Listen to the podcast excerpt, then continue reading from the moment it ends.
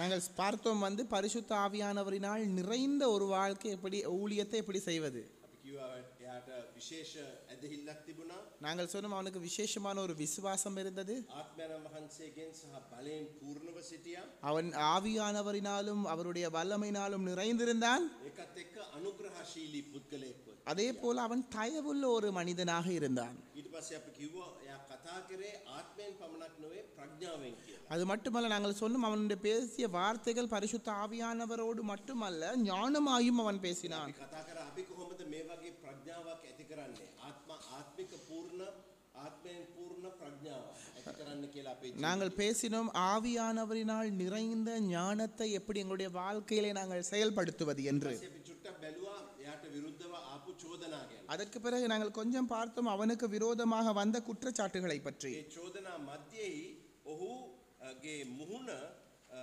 දේවදූතයෙකුගේ මුහුණ වගේ කියලා අපි කිව්වා. அந்த குற்றச்சாட்டுகளுக்கு மத்தியிலே நாங்கள் சொன்னோம் அவனுடைய முகம் தேவதூதனுடைய முகத்தை போல இருந்தது என்று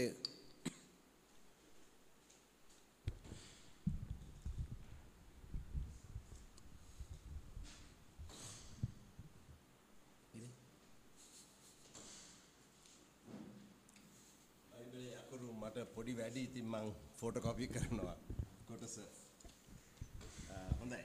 අ, දැන් අපි බල- බ- බලමු යාගේ කතාව ගැන ටිකක්. එයාගේ- இப்பொழுது அவனுடைய பிரசங்கத்தை பற்றி பார்ப்போம் මේක වැදගත් කතාවක් වෙන්න ඕනේ හේතුව ලූක් අ, වැඩියම ඉඩ දෙන්නේ මේ කතාවට යාගේ යැවුම් පත්‍රයේ. ஆஹ் விசேஷமாக ஆஹ் லூக்கா அவருடைய நிருபத்திலே அவருடைய பேச்சுக்கு தான் மிக முக்கியத்தை கொடுக்கிறார் ආ, ඉතින් මේක හුඟක් වටිනා කතාවක් වෙන්න ඇති එච්චර වෙලා දුන්න නං එක අ, නනිනේ කිරෙන්. ඉඩ இவருடைய பேச்சுக்கு அந்த அதிகாரத்தில் இவ்வளவு தூரம் இடம் கொடுக்கப்பட்டிருந்தது ஆனால் அந்த பேச்சு அவ்வளவு முக்கியமாக கட்டாயம் இருந்திருக்கும் ඒකේ මූලික අදහස් තුනක් තියෙනවා. அதிலே மூன்று பிரதான சிந்தனைகள் இருக்கிறது මේ අදහස් නැවත නැවත එනවා. இதே சிந்தனை மறுபடியும் மறுபடியும் அந்த பகுதியில் வருகின்றது පළමිනි අදහස முதலாவது சிந்தனை දෙවියන් වහන්සේගේ ක්‍රියාකාරිත්වය ඊස්රායල් අ, දේශයට ඒ භූගෝලීය දේශයට සීමා කරලා නෑ කියලා. ஆண்டவருடைய கிரிகைகள் இஸ்ரவேல் எல்லைக்குள்ளே மாத்திரம் பூகோளமயமாக்கப்படவில்லை வரையறுக்கப்படவில்லை என்பதுதான் අ, දෙවියන් වහන්සේ පිට ඊස්රායිල් දේශයට පිටනුත් ක්‍රියා කරලා තියෙනවා කිය. ஆண்டவர் இஸ்ரவேலுக்கு வெளியிலும் செயல்பட்டிருக்கிறார் என்கிற சிந்தனை දෙවනි අදහස இரண்டாவது சிந்தனை දෙවියන් වහන්සේ විසින් පිළිගත හැකි නමස්කාරය යෙරුසලම් දේවමාලිගාවට සීමා කරන්න බෑ කිය. ஆண்டவர் ஏற்றுக்கொண்ட ஆராதனை எருசலேம் தேவாலயத்தில் மட்டும்தான் இருக்கிறது என்ற வரையறுத்த சிந்தனை பிழையானது என்பது මේ ධර්මික ප්‍රශ්න දෙකක්. இது ரெண்டு சத்தியம் இறையல் சம்பந்தமான பிரச்சனை දෙවියන් වහන්සේ දේශයට පිටත් වැඩ කරනවා ஆண்டவர் தேசத்துக்கு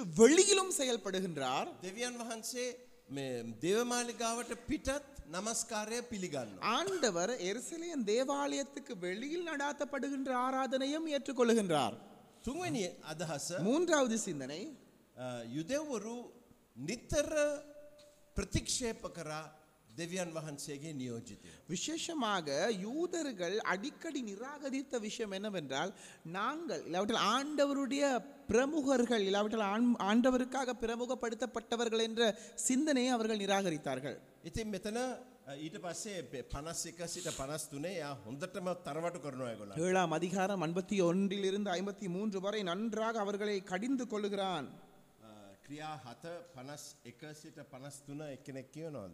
அப்போ சிலர் ஏழாம் அதிகாரம் ஐம்பத்தி ஒன்றிலிருந்து ஐம்பத்தி மூன்று வரை யாராவது ஒருத்தர் வாசிக்கிறீர்களா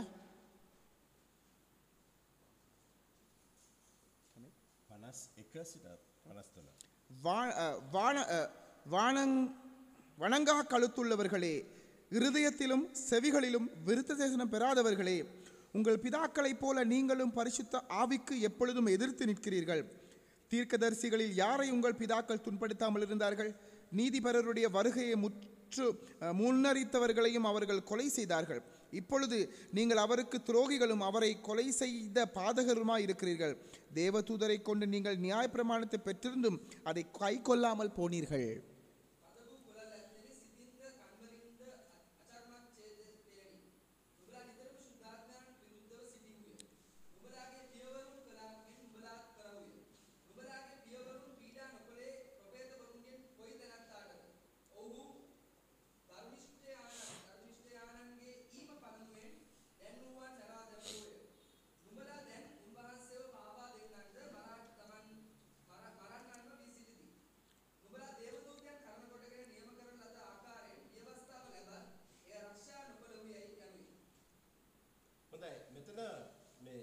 වහන්සේගේ දේශනා කිරීමට අ, අ, සමාන දේශනා කිරීමක් තියෙන්නේ. இந்த இடத்துல இயேசுவினுடைய பிரசங்கத்துக்கு சமமான ஒரு பிரசங்கம் தான் இருக்கின்றது යේසුස් වහන්සේ ආගමික නායකයන්ට බය නැතුව තරවටු කළා. இயேசுவானவர் சமய மத தலைவர்களுக்கு பயப்படாமல் தைரியமாக கடிந்து கொண்டார் පෞකාරයන්ට ආරාධනා කළා. பாவிகளை අன்போடு அழைத்தார் නායකයන්ට තරවටු කරා පෞකාරයන්ට ආ- ආරාධනා. தலைவர்களை கடிந்து கொண்டார் பாவிகளை அழைத்தார் අ, ඉතිං අ, මෙ- මෙ- මෙ- මෙතන මෙතනත් ඒක තමයි තියෙන්නේ. இந்த இடத்திலும் அதுதான் இருக்கிறது දැන් පසුව කියනවා මේ- මේ මේ පූජකයන් බොහෝ දෙනකුත් පිළිගත්තයි කියලා සුභාරංචිය. பிறகு சொல்லப்படுகிறது ஆசாரியர்களில் சிலரும் கூட நற்செய்தியை ஏற்றுக்கொண்டார்கள் என்று ඉති මේ මේ කතාව සම්පූර්ණයෙන් අසාර්ථක කතාවක් කියලා කියන්න බෑ. உண்மையிலே இந்த பிரசங்கம் முழுமையான ஒரு தோல்வியான பிரசங்கம் என்று சொல்ல முடியாது කොහොම කොහොම හරි මෙතන අපි දකින්නේ බයිබලානු සන්දර්භී කරණය.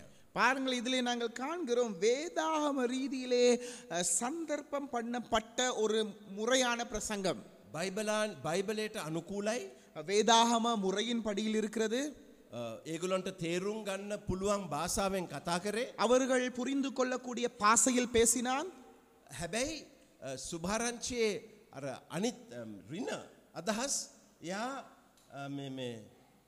හැංගුවේ නෑ.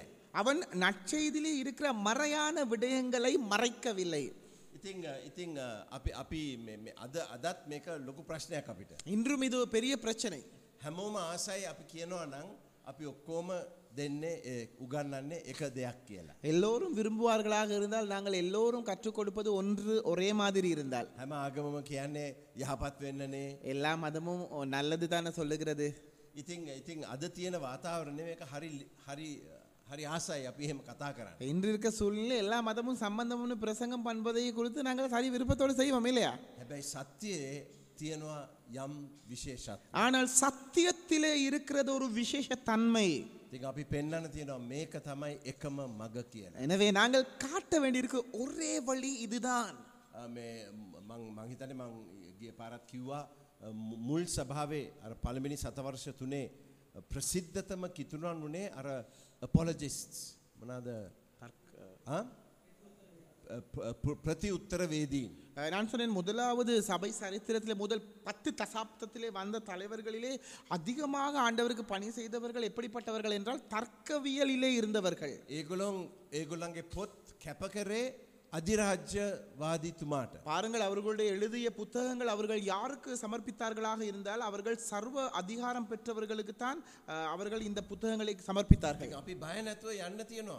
අපේ අපේ අදහස් මිනිසුන්ට ඉදිරිපත් කරන්න. எனவே நாங்கள் பயப்படாமல் போக வேண்டும் எங்களுடைய கருத்துக்களை மக்களுக்கு சொல்ல ගිය සතියේ ඇමරිකාවේ ஹரி පුදුම දෙයක් වුණා. அஹ், கிட- கடந்த கிழமையில அமெரிக்காவில் ஒரு புதுமையான காரியம் දැන් நடந்தது ලංකාවේ ඇන්ටි කන්වර්ෂන් එකැනේ හැරීමට විරුද්ධ අ, නීති ගේන්න බලනවානේ அஹ், இலங்கையில உங்களுக்கு தெரியும் ஆரம்பத்தில் வந்து இலங்கையில வந்து இந்த இப்ப இப்பொழுது முயற்சி கொண்டிருக்கிறார்கள் மத மாற்று சட்டத்தை கொண்டு வர අ, අමරිකාවේ ඇන්ටිකර්ෂන් කන්වර්ෂන් ලෝ එකක් ඇතුල් කරන්න හිටියා ගිය සතියේ. கடந்த கிழமையில அமெரிக்காவிலும் அதே போன்ற ஒரு மதமாற்று சட்டத்தை அமுல்படுத்த இருந்தார்கள் ඒ කියන්නේ අ, සමලිංගික හැඟීම් තියෙන අය ඒගොල්ලන්ගේ හැඟීම් නැති කරලා අ, මෙ- මෙ- විරුද්ධ ලිංගික අ, අ, පුද්ගලයන් කරන්න කන්වර්ට් කරන්න.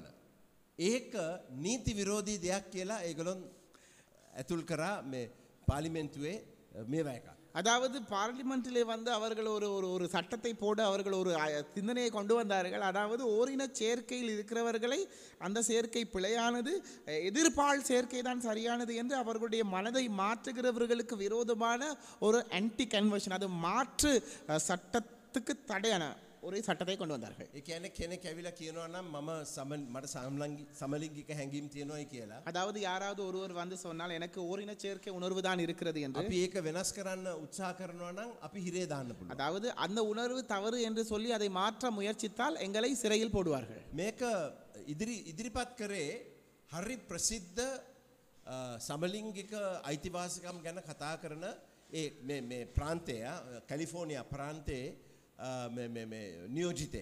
இதை வந்து இந்த சட்டத்தை கொண்டு வந்தவர் மிகவும் புகழ் வாய்ந்த கலிஃபோர்னியா நகரத்தில் இருக்கிற ஒரு பிரமுகர் என்று சொல்லலாம் அவர் தான் இதை கொண்டு வந்தார் මන්ත්‍රී කෙනෙක්. අ. ஒரு மந்திரி ஒருவர் හොඳ ඉතිං ඉතිං අ, මේ- ඒක ඉදිරි මේ- ඒ පාලිමෙන්තුව ඉදිරිපත් කරන්න තිබුණු දවසට පෙර அஹ், அந்த பார- பாராளுமன்றத்திலே அந்த சட்டத்தை கொண்டு வருவதற்கு இதை சமர்ப்பிப்பதற்கு முதல் நாள் ක්‍රිස්තියානි නායකෙක් கிறிஸ்தவ தலைவர் ஒருவர் අ, එයා මේ මේ මේ අර ඒසෙල් වගේ තියන්නේ මෙරිකාවෙ තියෙනවා ඒසෙල් වගේ හිටපු ප්‍රසිඩන්ට් அவர் வந்து இந்த இலங்கையில் உள்ள இஎஸ்எல் போன்ற அங்கே உள்ள இஎஸ்எல் போன்ற ஒரு நிறுவனத்துக்கு அவர்தான் அஹ், தலைவராக இருந்தார் යා මේක ගැන YouTube එකේ අ, දේ- අ, කතාවක් කිව්වා මේක ඇයි මේක වැරදි කියලා. அவர் வந்து யூடியூபிலே ஒரு பிரசங்கத்தை சொன்னார் ஏன் இது இந்த ஓரினச் சேர்க்கை தவறானது என்று යා කරුණා අ, කරුණ ඉදිරිපත් කර. அதற்கு அவர் நிறைய காரியங்களை முன்வைத்தார் මේ මේ නායකයා අර සමලිංගික නායකයත් එක්ක හොඳ මිතුරෝ.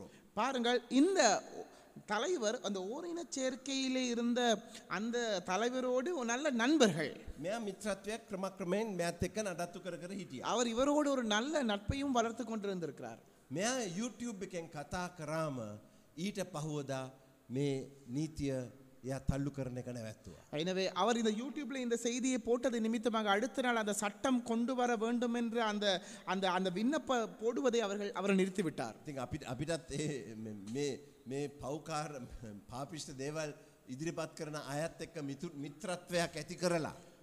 எனவே நாங்களும் கூட இந்த பாவமான சிந்தனையை கொண்டு வருகிறவர்களோடு இருக்கிற நட்பை அஹ், நீக்கிவிட்டு අපි අපි අ, අ, ක- ක- ප්‍රශ් මේ සත්‍යය පහදා දෙනවා නම් කරුණු දෙනවා නම් සමහරවිට අපිට ඒගලන්ටත් පිළිගන්න පුළුවන් වෙයි. நாங்கள் சத்தியத்தை சரியாக சொல்வோமாக இருந்தால் சில நேரம் அவர்களுக்கு அதை ஏற்றுக்கொள்ளக்கூடியதாக இருக்கும் හොඳයි ඉතින් මේකලුම් මේ අ, ස්- මේක තමයි අපි කිව්වේ බයිබලීය සන්දර්බී කරණය. எனவே இதை தான் நான் சொன்னேன் வேதாக முறையிலே சாட்சிகளை வைத்து சந்தர்ப்பங்களை வைத்து பிரசங்கிப்பது ඉතින් අ, මේ පොල් හීබට් කියන හරි අ, ප්‍ර- ප්‍රසිද්ධ uh, මොකද ඇන්ත්‍රපොලජිස් කියන මානව ම- මානව වෛද්‍යවරයෙක් නේද um, ඇන්ත්‍රපොලජිස්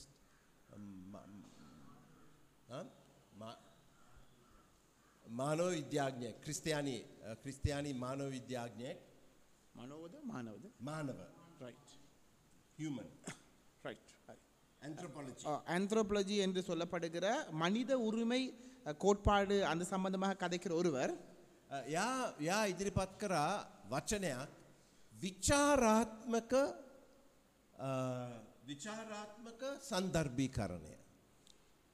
அவர் ஒரு ஒரு முறையை வைத்தார் வந்து அதிக விளக்கத்தை கொடுக்கக்கூடிய சந்தர்ப்பங்களை வைத்து காட்டுகிற ஒரு முறை එකන අපි අ, සන්දර්භයට අපේ ජීවිතය වෙනස් කරන විතරන් නෙමේ ඒකේ වැරදිටත් විරුද්ධව අපි කතා කරන. அதாவது சில சந்தர்ப்பங்கள் இல்லாவிட்டால் காரணங்கள் எங்களுடைய வாழ்க்கையை மாற்றுவது மட்டுமல்ல அதிலே இருக்கிற தவறுகளையும் ஆழமாக முன்வைப்பது ස්තේපන් මේක කරා හැබැයි ය- එයා මැරුවා. ஸ்தேவான் இதே முறையில் தான் கதைத்தான் அவருடைய தவறுகளை முன்வைத்தான் சந்தர்ப்பங்கள் எப்படி மாறினது என்பதை காட்டினால் அவனை கொலை செய்தார்கள் හැබැයි ඊට පස්සේ පූචකයෝ සමහරදනකුත් ක්‍රිස්තුස් වන්සේ පිළිගන්න. ஆனாலும் பாருங்கள் அதற்கு பிறகு ஆசாரியர்கள் சிலரும் கூட இயேசு கிறிஸ்துவை ஏற்றுக்கொண்டார்கள் හොඳයි දැන් අපි බලමු යාගේ මරණය. நாங்கள் இப்பொழுது அவனுடைய மரணத்தை பார்ப்போம் ඔව්, අර අනිත් එක තිබුණේ ඊට ඉස්සල ක්ලාස් එකේ පර රයි් එයාගේ මරණය அவனுடைய மரணம் අර ලාස් පොයින්් එක තිබුණේ අ, අනිත් කතාවේ கடைசி குறிப்பிருந்தது முன்பு முதல்ல இருந்த பிரசங்கத்திலே හොඳයි දැන් ඒගොල්ලගේ uh, අ, තරහා පනස් හතරේ ඒගොලගේ තරහා uh, අපිට දකිනවා ஐம்பத்தி நான்காவது வசனத்திலே அவர்களுடைய கோபத்தை நாங்கள் காணலாம் ඔවු ඒ දේ ඇසූ විට අනිලලද සිත් ඇතුව ඔහුට විරුද්ධව අ, දත්මිටි කෑවෝය இவைகளை அவர்கள் கேட்ட பொழுது மூர்க்கமடைந்து அவனை பார்த்து பல்லை கடித்தார்கள் ඉතින් හරි තරහය මිනිස්සු ඉන්නේ மிகவும் கோபத்திலே அங்கிருந்த மனிதர்கள் இருந்தார்கள் හැබැයි කොහොමද අ, ස්තේපන්ගේ ප්‍රතිචාරය ஆனால் பாருங்கள் அதற்கு ஸ்தேவானுடைய பிரதி செயல் என்ன අ, මේක පනස් පහේ එක இது ஐம்பத்தி ஐந்தாம் அதிக வசனத்திலே පළවෙනි முதல் කොටස. பகுதி முதல் අ, பகுதி නොමුත් ඔහු ශුද්ධාත්මයෙන් පූර්ණව. அவன் பரிசுத்த ஆவினாலே நிறைந்தவனாய் දැන් මෙතන අපි දකිනවා ශුද්ධාත්මය පූර්ණත්වය තව අංගයක්. பாருங்கள் இந்த இடத்திலே நாங்கள் காண்கிறோம் பரிசுத்த ஆவியில் நிறைந்த இன்னும் ஒரு அங்கத்தை ක්‍රියාපොතේ ශුද්ධාත්මය පූර්ණත්වයට අ, මේ අවස්ථාව අම- අප- අපි කියන්නේ මං- මං හිතන ගිය පාර කිව්වා ශුද්ධාත්මයෙන් පූර්ණ කියලා කියනකොට ඒක පුද්ගලයෙකුගේ ප්‍රත්- මේ- මේ චරිතයේ අංගයක් හැටියට විස්තර කරන්න පුළුවන්.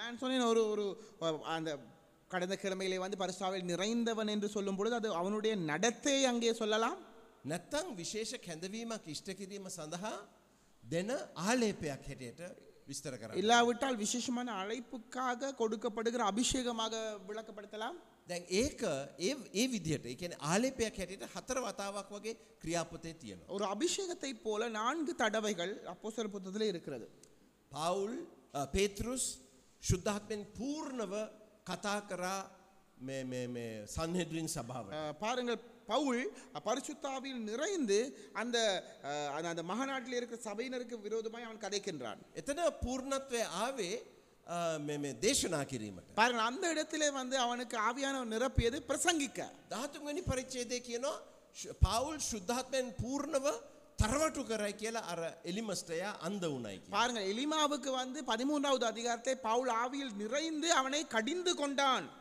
අ, එතකොට මෙතන කියන්නේ ඔහුගේ මරණයට සූදානම් වෙන්න යා ශුද්ධාත්මන මාසකෙන් පූර්. இந்த இடத்திலே அவன் மறிப்பதற்கு ஆயத்தமாக அவன் பரிசுத்த ஆவியானவரினால் நிறைகிறான் සාමානෙන් අපි ශුද්ධාත්මන වන්සගේ පූර්ණත්වය ගැන කතා කරනකොට මොකක් ගැනද කතා அப்படி சா- நாங்கள் சாதாரணமாக பரிசுத்தாவியில் நிறைவது என்று கதைக்கும் பொழுது எதை பற்றி கதைப்போம் ආලේපයක් ආලේපයක් ලැබෙන මොකටද ආලේපයක්. அபிஷேகம் எதற்கு ආ?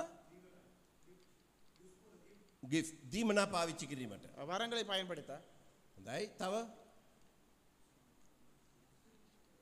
ආ? මිනිස්සු වටන්න හොඳයි மனிதர்களை விளத்தட்ட තව வேறு අන්‍ය භාෂාවෙන් කතා කරනකොට அந்நிய பாஷையில் பேசும் பொழுது හාස්කම්වලට அற்புதங்கள் பார்ப்பதற்கு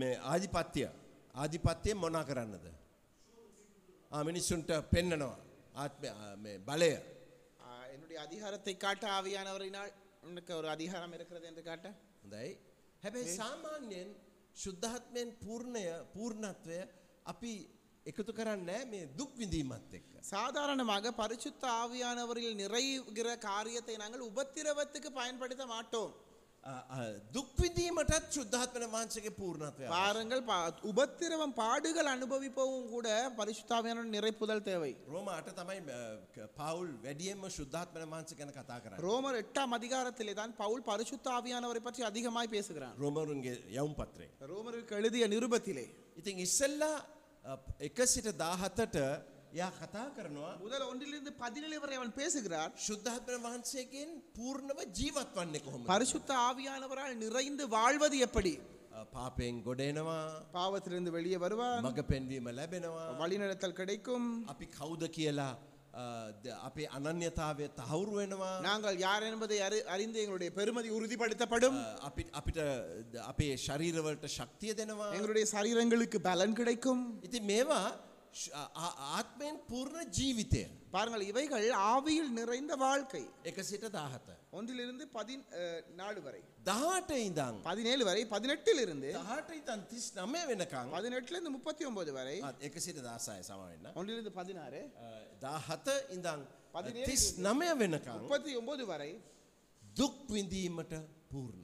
பாருங்கள் அங்கே வந்து பாடுகளை அனுபவிப்பதற்காக பரிசுத்த ஆவியானவரினால் நிறைதல் என்று சொல்லப்படுது ඉතින් ජීවිතයටත් පූර්ණත්වය වන දුක්විදීමටත් පූර්ණ. இனி சந்தோஷமாய் வாழவும் பரிசுத்த ஆவியானவருடைய நிரப்புதல் தேவை பாடுகளை அனுபவிக்கவும் பரிசுத்தாவியானவருடைய நிரப்புதல் தேவை මේ ඒ, අ, ජපානය ක්‍රස්තියානි නායකය හිටියත් ටොයෝ හිකෝ කගාවා කියලා.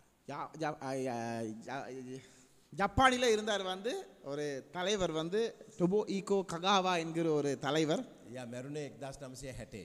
அவர் ஆயிரத்தி தொள்ளாயிரத்தி அறுபதாம் ආண்டிலே மறித்தார் යා පුදුම සේවයක් කරාය එවැන්ජලිස්තවරෙක් සහ ආණ්ඩුවේ මේ- මේ ව්‍යාපෘතිවලට නායකත්වය දුන්න. அவர் ஒரு வல்லமையான ஒரு அஹ், ஊழியக்காரர் வந்து அவர் வந்து நியாயப்பிரமாணம் அரசாங்கத்துக்கும் கூட ஒரு தலைமைத்துவத்தை கொடுத்தார் යා දේශපාලනඥයගේ පුතෙක් அவர் வந்து ஒரு அரசியல்வாதியினுடைய මහන් හුද ඒස්වන්සගේ මරණය ගැන කතා කරනට එය එච්චර පුදුමෝනා ඇකිතුනෙක් වුණා. அவர் வந்து யாரோ ஒருவர் இயேசுவினுடைய மரணத்தை பற்றி கதைக்கும் பொழுது அவர் அதை பார்த்து அதிசயப்பட்டு அவர் இயேசு- இயேசுவை ஏற்றுக்கொண்டார் තර දවසක් එයා මේ මුඩු- මුඩු- මුඩුක්කු වගේ දන්නවනේ අ, මේ- මේ පැල්පත් හරි දුප්පත් පලාතකට ගියා.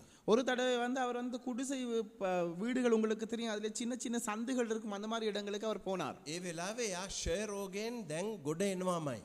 அந்த நேரத்திலே அவர் வந்து அந்த குற்ற குஷ்டரோகத்திலிருந்து அவர் அப்பொழுதுதான் சுகமாய் නෙමේ ක්ෂය அஹ், சைரோகம் மன்- மன்னிச்சுக்கொள்ளுங்க அஹ், டிபிஓ சைரோகம் என்கிற அந்த நோய் சுவாச நோய் காச நோய் என்று சொல்லலாம் அதிலிருந்து அப்பொழுதுதான் சுகா சு- அவர் சுகப்பட்டு கொண்டு வருகிற சூ- சூழல் ඒකත් එක්ක මරණාසන්නේ හිටියේ ඊට ඉස්සෙල්ලා. அ- அத்- அதற்கு முன்பதாக அவர் மறிப்பதற்கிற ஒரு தருணத்தில் தான் இருந்தார் හැබැයි මේ මුඩුකු දැක්කම அவருக்கு இந்த குடிசைகளில் இருக்கிற சந்துகளை காண்கிற நேரத்தில் එයාට එච්චර ලොකු බලපෑමක් ඇති වුණා. එයා සෙමිනර් එකේ හිටියේ. සෙමිනර් එකේ ඉන්න එක නවත්තලා අ, මේ ස්ටඩි කර හැබැයි ජීවත් වෙන්න ගියා මුඩ්- ඒ ඒ ස්ලම් එකට. அவர் என்ன செய்தார் இதை கண்டவுடனே அவருடைய வாழ்க்கைக்கு ஒரு பெரிய ஒரு சவாலாக எடுத்துக்கொண்டு அவர் செமினரிலே கற்பதை நிறுத்திவிட்டு அவர் இந்த குடிசை சந்துகளில் வாழ்வதற்கு போனார் ඉතින් එයාට ලොකු සංවිධායක බලය බලය තිබුණා. அந்த හැකියාව. காலத்திலே வந்து உண்மையில் அவருக்கு ஒரு நல்ல திறமை இருந்தது நிர்வாக திறமை இருந்தது ඉතින් ඒ නගරේ භූමිකම්පාවක් තිබුණම ආණ්ඩුව යාට තමයි ඒක ඔක්කොම ඔගනයිස් කරන්න කියලා කිව්වේ මෙයාටයි. சாதாரணமாக அந்த நக ஏதாவது அந்த நகரத்திலே பூமி அதிர்ச்சி போன்ற காரியங்கள் வந்தால் அதை ஒழுங்குபடுத்த எப்படி மக்களை காப்பாற்றுவது என்று ஒழுங்குபடுத்துகிற காரியங்களை அரசாங்கம் அவருக்கு தான் பொறுப்பு கொடுத்தது ඒකත් එක්ක යා එවැන්ජලිස්තරේ. அதே சூழலிலே அத்தோடு கூட அவர் ஒரு நற்செய்தி பணியாளராகவும் இருந்தார் දැන් එක එක- එක- එක වතාවක යාට තේරුණා යාට දැනෙන්න ලැබුණා යා අන්ද වෙන්න යනවායි. ஒரு தடவை அவருக்கு கேட்க கிடைத்தது அவர் ஒரு குருடனாக போகிறார் என்று ය අඳ වනේ නෑ හැබැ යට ශුව වුණා අන්ද වෙන්න යනවායි. உண்மையிலே உண்மையிலே அவர் வந்து குருடனாகவே இல்லை ஆனால் அவருக்கு ஒரு உறுதி இருந்தது தன்னுடைய கண்கள் பார்வை இழக்கப் போகிறது என்று ඉතින් යා ලිව්වා යාගේ හැඟීම් මේ- මේ අවස්ථාව. அந்த சூழலிலே அவருடைய உணர்வுகளை அவர் எழுதினார் මං ඉංග්‍රීසියෙන් කියන්න ඉසල්ලා. அஜித்தன் ஆங்கிலத்திலே முதலில் சொல்லுவார் The darkness, the darkness is a holy of holies, of which no one can rob me. In the darkness, I meet God face to face. අන්දකාරය අන්දකාරය අතිශුද්ධස්ථානයකි. இருளே இருளே இருளே பரிசுத்தமான இடமே කවුරුත් මගෙන් ඒ අත්දැකීම අහිමි කරන්නේ නෑ. யாருக்கும் இந்த இருளின் அனுபவத்தை என்னை விட்டு நீக்க முடியாது අන්දකාරේ මම දෙවියන් වහන්සේ මුහුණට මුහුණ දකිනවා. இருளிலே தேவனை நான் முகமுகமாய் காண்கிறேன் ඉතින් මේ මේ දුක්විඳීම අ, සම්පූර්ණ ජීවිතය දැන් ඒ සන්ත කිවනේ මම ජීවිතය දෙන්නයි අධික ලෙස එනොයි කියලා ජොහන්- යොහන් දහය දහය. ඒ දුක්විඳීමයි දු- අ, මේ- මේ අධික ලෙස ලැබෙන ජීවිතයයි එකට අපට අත්දකින්න පුළුවන්. எனவே பாருங்கள் இயேசுவாமி வந்து சொன்னார் வந்து யோவான் புத்தகத்திலே நான் ஜீவனை கொடுப்பதற்காகவும் அதை அதிகமாய் கொடுப்பதற்காகவும் வந்தேன் என்று அதே எனவே பாடுகள் அனுபவிப்பதும் அந்த அதிகமாய் வாழ்வு கொடுப்பதும் இந்த ரெண்டுமே எங்களுக்கு சொந்தமானது ආ- ආත්මික ආ, මේ, උ- අත්- ආ, ශුද්ධාත්මන වංශගේ පූර්ණත්වය නැතුව අපි දුක්විඳීමනං අපි තිත්ත වෙනවා. பரிசுத்த ஆவியானவருடைய நிரப்புதல் இல்லாமல் நாங்கள் பாடுகளுக்கு முகம் கொடுத்தால் நாங்கள் கசப்பு உணர்வுக்கு போய்விடுவோம் හොඳයි පනස් පහේ දෙවනි කොටසේ ஐ- ஐம்பத்தி ஐந்தாம் வசனத்திலே ரெண்டாவது பகுதி සහ පනස් හයේ அத்தோடு கூட ஐம்பத்தி ஆறாவது வசனம் යා ක්‍රිස්තුස් වහන්සේගේ දර්ශනයක්. அவன் இயேசுவினுடைய ஒரு தரிசனத்தை காண்கிறான் පනස් පහා පනස් හය. ஐம்பத்தி ஐந்து ஐம்பத்தி ஆறு මහිමයත් දෙවියන් වහන්සේගේ දකුණු පැත්තේ අ, ස්ව- අ, ස්වර්ගය දෙස බලා දෙවියන් වහන්සේගේ මහිමයත් දෙවියන් වහන්සේගේ දකුණු පැත්තේ යේසුස් වහන්සේ නැගිට සිටිනවත් දැක බලව ස්වර්ගය විවරවී තිබෙනවත් මනුෂ්‍ය පුත්‍රයා දෙවියන් වහන්සේගේ දකුණු පැත්තේ නැගිට සිටිනවත් මට පෙනේයයි කීවේය. வானத்தை அண்ணார்ந்து பார்த்து தேவனுடைய மகிமையையும் தேவனுடைய வலது பாரிசத்தில் இயேசுவானவர் நிற்கிறதையும் கண்டு இதோ வானங்கள் திறந்திருக்கிறதையும் மனுஷகுமாரன் தேவனுடைய வலது பாரிசத்தில் நிற்கிறதையும் காண்கிறேன் என்றான் යා යා පිට හැමෝම තිත්තකමින් පිරිලා. பாருங்கள் அவனுக்கு வெளியே புறம்பே இருக்கிறவர்கள் எல்லோருமே கசப்பில் நிறைந்திருக்கிறார்கள் යාව මරන්න ලෑස්ති වෙලායින්න. அவனை கொலை செய்ய ஆயத்தமாய் இருக்கிறார்கள் හැබැයි යා දෙවියන් වහන්සේගේ මහිමය දකින. ஆனால் பாருங்கள் அந்த சூழலிலே அவன் தேவனுடைய மகிமையை காண்கிறான் සමාරලාට ඒ වගේ අවස්ථාවල්ලට ඒ වගේ අත්දැකීම අපිටත් දෙනවා. ஆண்டவர் சில நேரத்திலே அப்படியான சூழ்நிலைகளிலே இப்படியான அனுபவத்தை எங்களுக்கும் தருகிறவராய் இருக்கின்றார் වේද සාක්ෂිකයක් වේද සාක්ෂිකයෙක් පුච්චලා මැරුවා. ஒரு ஒரு இரத்த சாட்சியாய் மறிக்கிறவனை எரித்து கொன்றார்கள் අරයා මේ අර පිදුරුනේ දාන්න සාම මන්දන්න පිදුරු වගේ ඒව දානකොට ය රවමට ටයිකරනකොට බඳනකොට அந்த வைக்கோல் மான் போன்ற காரியங்களை போட்டு அவனுடைய இடுப்பை இறுக்கி கட்டுகிற நேரத்தில் මැරෙන්න්න යන එක්කෙන හිනාවුන.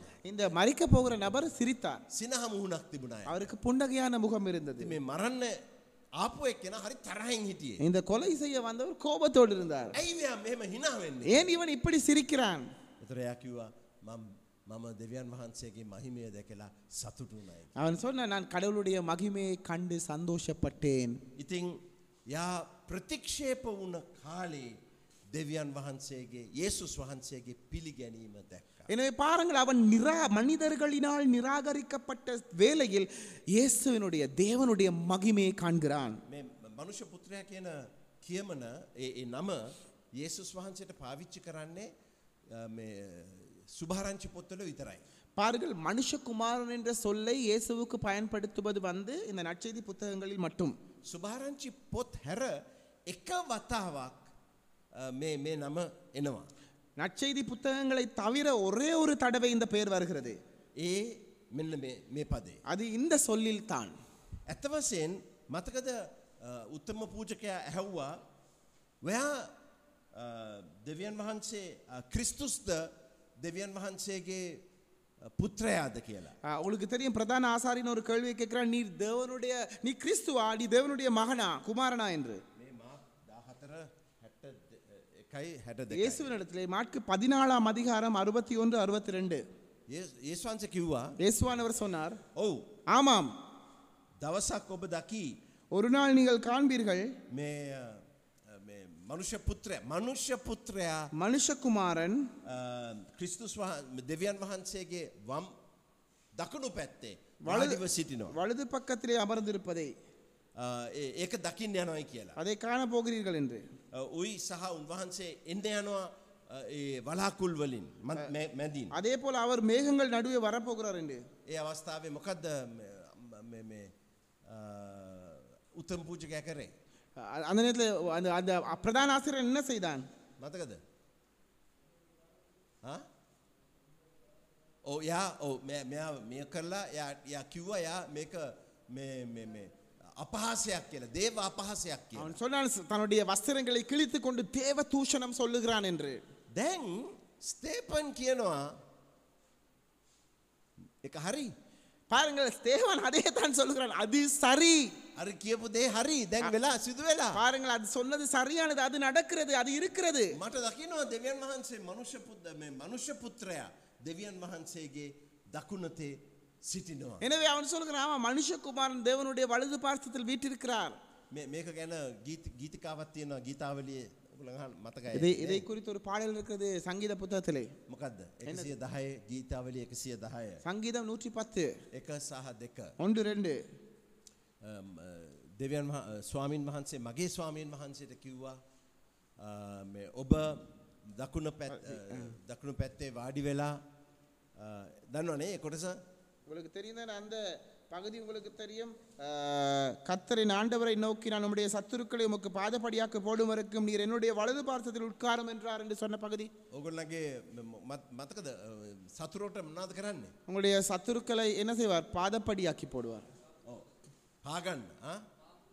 පාපුටුව කරා பாதப்படியாக்கி போடும் වරைக்கும் ඉතිං අ, ඉතිං මේ අවස්ථාවේ ලොකු පරාජයක් හැටියට දැක්කේ பாருங்கள் இந்த நேரத்திலே வந்து பெரிய ஒரு அநியாயம் நடக்கிறதா காண்கிறார் හැබැයි මේ මෙතන යා ප්‍රකාශ කරා යේසුස් වහන්සේ මේ ගොළොන්ව පරාජය කරන්න යන. பாருங்கள் அந்த இடத்திலும் அவர் காட்டியது இயேசுவானவர் இவர்களை தோல்வியடைய பண்ண போகின்றார் හැබැයි ඒ මේ- මේ- මේ යේසුස් වහන්සේ කියපු දෙයි දැන් ලැබුණු දර්ශනයත් එක්ක පොඩි වෙනසක් තියෙනවා. ஆனால் பாருங்கள் இயேசுவானவர் சொன்னதற்கும் இந்த இடத்திலே கண்ட தரிசனத்துக்கும் இடையில ரெண்டு ஒரு சின்ன வித்தியாசம் இருக்கிறது මොකද වෙනස බලාකුලවලින් උන්වහන්සේ එනවානේ එනවා ඕ ඒක හැබැයි මේ දැන් එයා දැක්ක නෑන එනවා අ, ඒ දැක්කම පොඩි වෙනසත් තිබුණා. அதிலே அந்த காட்சியில ஒரு சின்ன வி- மாற்றம் இருந்தது என்னது ඔව එතන වාඩි වෙලා ඉන්නවයි කියන්න. මෙතන කියනවා අ, නැගිටලා ඉන්නවයි කිය. அந்த இடத்திலே இயேசுவானார் வலது பாசத்தில் அமர்ந்திருக்கிறார் ஆனால் ஸ்தேவான் வந்து நின்று கொண்டிருக்கதை காண்கிறான் ඉතින් විශේෂඥෝ කියන්නේ මේක මේ- මේ- මේ සාක්ෂිකාරයකුගේ ලීලාව අ, ලීලාව කියනට හිටගන්න එක ඒ සාක්ෂිකාරයෙක් දැන් අ, මේ උසාවියක සාක්ෂිකාරය කතා කරනට හිටගන්න හිටගෙනන්නේ කතා කරන්න ආ?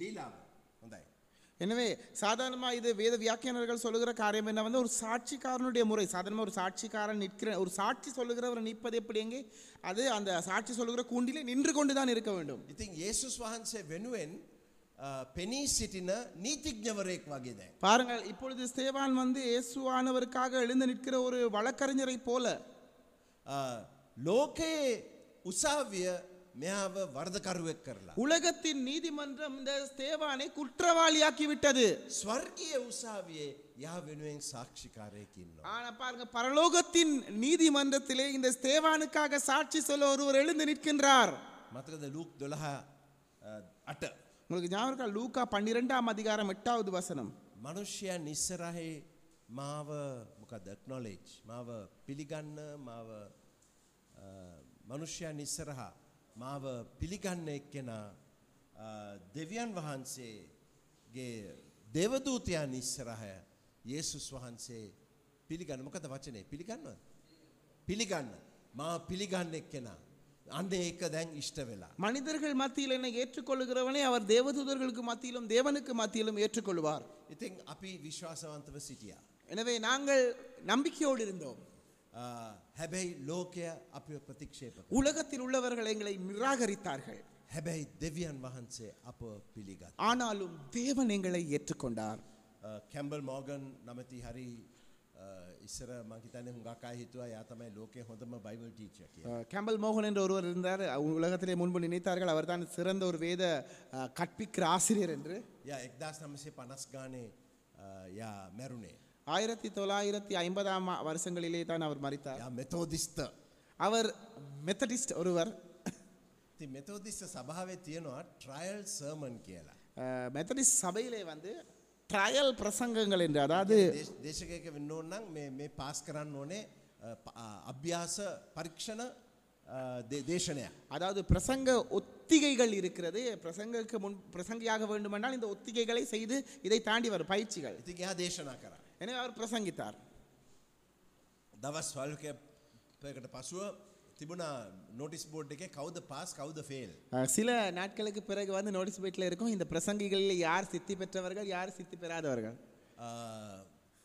Campbell Morgan fail Campbell Morgan fail දැන් යාට බලාපොරොත්තු තිබනේ දේශනාකරුවෙක් වෙන அவருக்கு ஒரு நம்பிக்கை எதிர்பார்ப்பு இருந்தது பிரசங்கியா வர ඒක දැන් අවට් அது தோல்வி அடைந்து விட்டது ඉතින් යා තාත්තට අ, ලියුමක් යව්වා අ, මේ, ඒ, ඒ, ඉස්සර ලියුම් නෑ ෆෝන් නෑ ඉතින් ටෙලිග්‍රම එකක් යව්වා රිජෙක්ටඩ් ප්‍රතික්ෂේප වුණා எ- எனவே அவர் தகப்பனுக்கு அந்த காலங்களில் கையடக்க அஹ், தொலைபேசி வசதிகள் இல்லாதபடினால் வந்து ஒரு டெலிகிராம் ஒன்றை அனுப்பினார் நிராகரிக்கப்பட்டேன் තාත්තා වහාම ටෙලිග්‍රම එකක් යව්වා உடனடியாக தகப்பன் இன்னும் ஒரு டெலிகிராமை அனுப்பினார் ස්වර්ගේ ලෝකයේ ප්‍රතික්ෂේප වෙලා ස්වර්ගේ பிலிகென ப- ஆனா உலகத்திலே அனுப்பின அதில் ரிஜெக்ட் அதில் அவர் அனுப்பின மறு டெலிகிராமிலே வந்து உலகத்தில் நிராகரிக்கப்பட்டவன் பரலோகத்தில் ஏற்றுக்கொள்ளப்பட்டான் ඉතින් යාගේ අධිෂ්ඨානය අත්හැරිය නෑ எனவே அவர் அவருடைய அந்த முயற்சியை கைவிடவில்லை මෙතරි චච්චකෙන් අස්සුනා මොනා කරන්නද பிபதியம்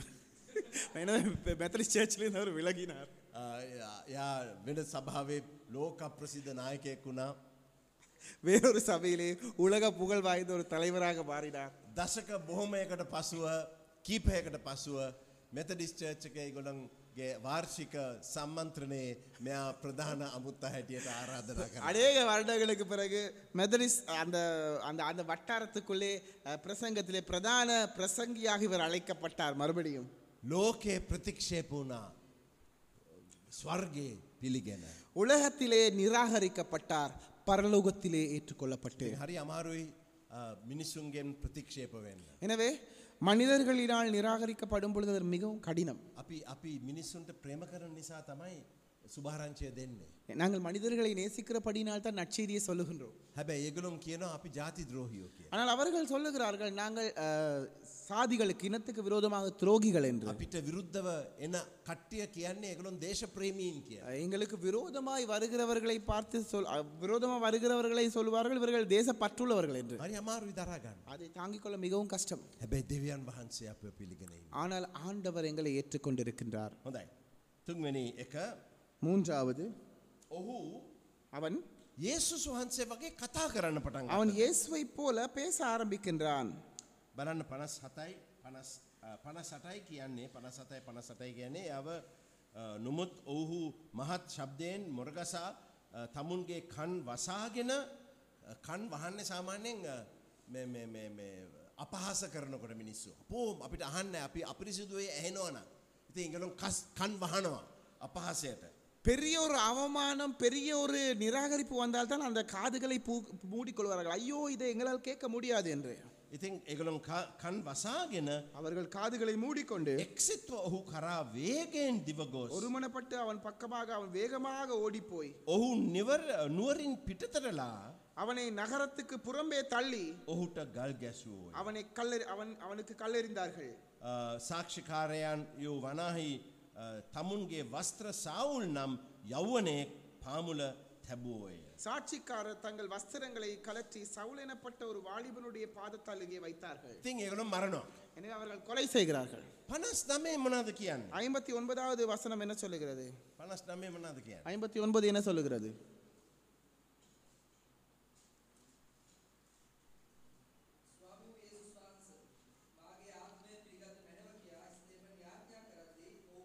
හොඳයි.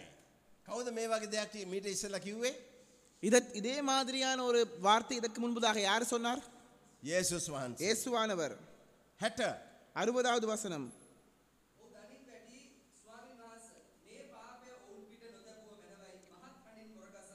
அவனோ முழங்கால் படியிட்டு ஆண்டவரே இவர்கள் மேல் இந்த பாவத்தை சுமத்தாதிரும் என்று மிகுந்த சத்தமிட்டு சொன்னான் කවද ඒ වගේ දෙයක් කිව්වේ அதே போல ஒரு காரியத்தை யார் சொன்னார் ඒසුස් වහන්සේ.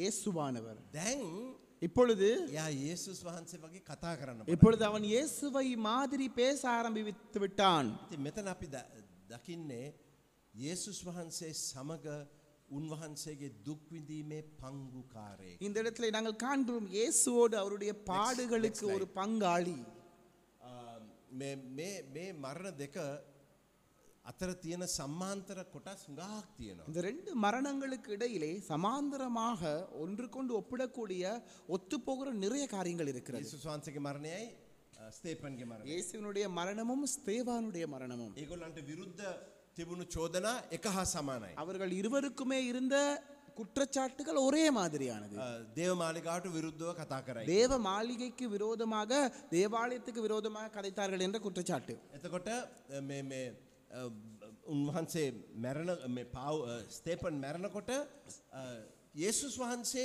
මැ- මැරෙනකොට කියපු අ, අනාවැකයක් දැන් ඉෂ්ට වෙලා. பாருங்கள் ஸ்தேவான் மறிக்கிற நேரத்திலே இயேசுவானவர் சொன்ன ஒரு தீர்க்க தரிசனம் நிறைவேறிவிட்டது අර මේ එයා දකුණු ප- පැත්තේ ඉන්නවයි කියලා. அவ வலது පக்கத்திலே இருப்பேன் என்று சொன்னது මැරණකොට එක හා සමාන දේවල් කියනවා. பாருங்கள் மறிக்கிற நேரத்தில் இருவரும் பேசினது ஒரே විதமான காரியங்கள் එතකොට අ, ඒ මැරණ අවස්ථාවේ ඒස්වන්සේ ස්තේපන්ට කිට්ටු වුණා.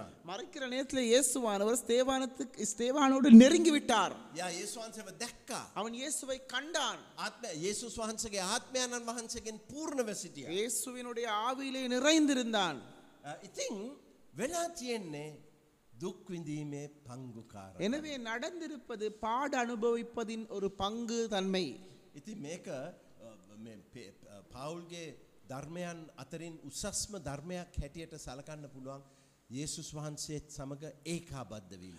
ඉන් ක්‍රයිස්් ඒසුස් වහන්සේ තුළ සිටීම. பாருங்கள் இந்த பவுலினுடைய கற்பித்தல்களிலே ஒன்று இயேசு கிறிஸ்துவுக்குள் இணைகிறது இணைதல் என்கிற அந்த கருத்து ඒසුස් තුළ සිටින අය ඒසුස් வகே හැසිරෙනවා. இயேசு கிறிஸ்துவுக்குள் இருக்கிறவர்கள் இயேசுவை போல நடந்து கொள்வார்கள் ඒසුස් වගේ හැසිරෙනවා නං දුක්විඳීම අනිවාර්යයි. இயேசுவை போல நடந்து கொண்டால் பாடு அனுபவிப்பது என்பது கட்டாயம் ඒ- ඒසුස් වහන්සේත් සමඟ දුක්- මේ නෑ, දුක්විඳින්න කොට ඒසුස් වහන්සේත් එක්ක කිට්ටුකමේ ගැඹුරක් තියෙනවා දුක්විඳීම නැතුව. பாருங்க. නැතුව බෑ ඒක අත්දක. இயேசுவோடு ஆழமான அந்த தன்மையை அனுபவிக்க முடியாது பாடுகளை அனுபவிக்காமல் නොන කෙනෙකුගේ මහත්තයා යට පැන පැන හිටිය. ஒரு மனைவியினுடைய கணவன் அந்த மனைவியை திட்டிக் கொண்டே இருந்தார் නපුරු වචනින් බැන්න අයට. மோசமான வார்த்தைகளினால் திட்டினார் මෙහෙම බනිනකොට ඒ නෝනා හදිසියෙන් තේරුණා අයෝ ඒසු වන්සේටත් මේ වගේ දෙවල් කිව්වන්න. அப்படி திட்டிக் கொண்டிருக்குள்ள திடீரென அந்த அப்செட்ல இருந்த அந்த மனைவிக்கு திடீரென ஒரு சிந்தனை வந்து ஆ இயேசுவுக்கும் இப்படித்தானே ஏசினார்கள் යාට තේරුණා යා ඒසුස් වහන්සේට කිට්ටු වෙලයි. அவர் அந்த நேரத்தில் அந்த மனைவி உணர்ந்தால் தான் இயேசுவுக்கு நெருங்கி விட்டதாக ඉතින් අපි උන්වහන්සේගේ අම්, අ, මේ- මේ, අ, දුක්විඳීම බෙදාහාදා ගන්නවා පමණක් නොව. இயேசுவினுடைய அந்த பாடு அனுபவிப்பதை பகிர்ந்து கொள்வது மட்டுமல்ல උන්වහන්සේ අපේ දුක්විඳීම බෙදාහදා ගන්නවා. அவர் எங்களுடைய பாடுகளையும் பங்கு கொள்ளுகின்றார் තේරනද වෙනස. உங்களுக்கு வித்தியாசம் விளங்குகின்றதா අපි උන්වහන්සේගේ දුක්විඳීම ගන්නවා විතරන් නෙමේ. நாங்கள் அவருடைய வேதனை பாடுகளை எடுப்பது மட்டுமல்ல උන්වහන්සේ අපේ දුක්විඳීම ගන්නවා. அவரும் எங்களுடைய பாடுகளிலே பங்கு கொள்ளுகின்றார் අම්, ම්, පවුල් දමස්කස් පාර යනකොට பவுல் தமஸ்கு நகரத்திலே நடக்கிற நேரத்திலே මොකක්ද ඒස්වන්සයට කිව්වේ இயேசுவான் அவர் அவனுக்கு என்ன சொன்னார் මොකද කිවේ. என்ன சொன்னார் நீ துக்கப்படுத்துகிறீர் සවුල් සවුල් ඇයි නුඹ மட்ட பீடாக்கிறார் මට පීඩා. சவுளே சவுளே ஏன் என்னை துன்பப்படுத்துகிறாய் සවුල් කිතුරුවන්ට ගහන්නේ.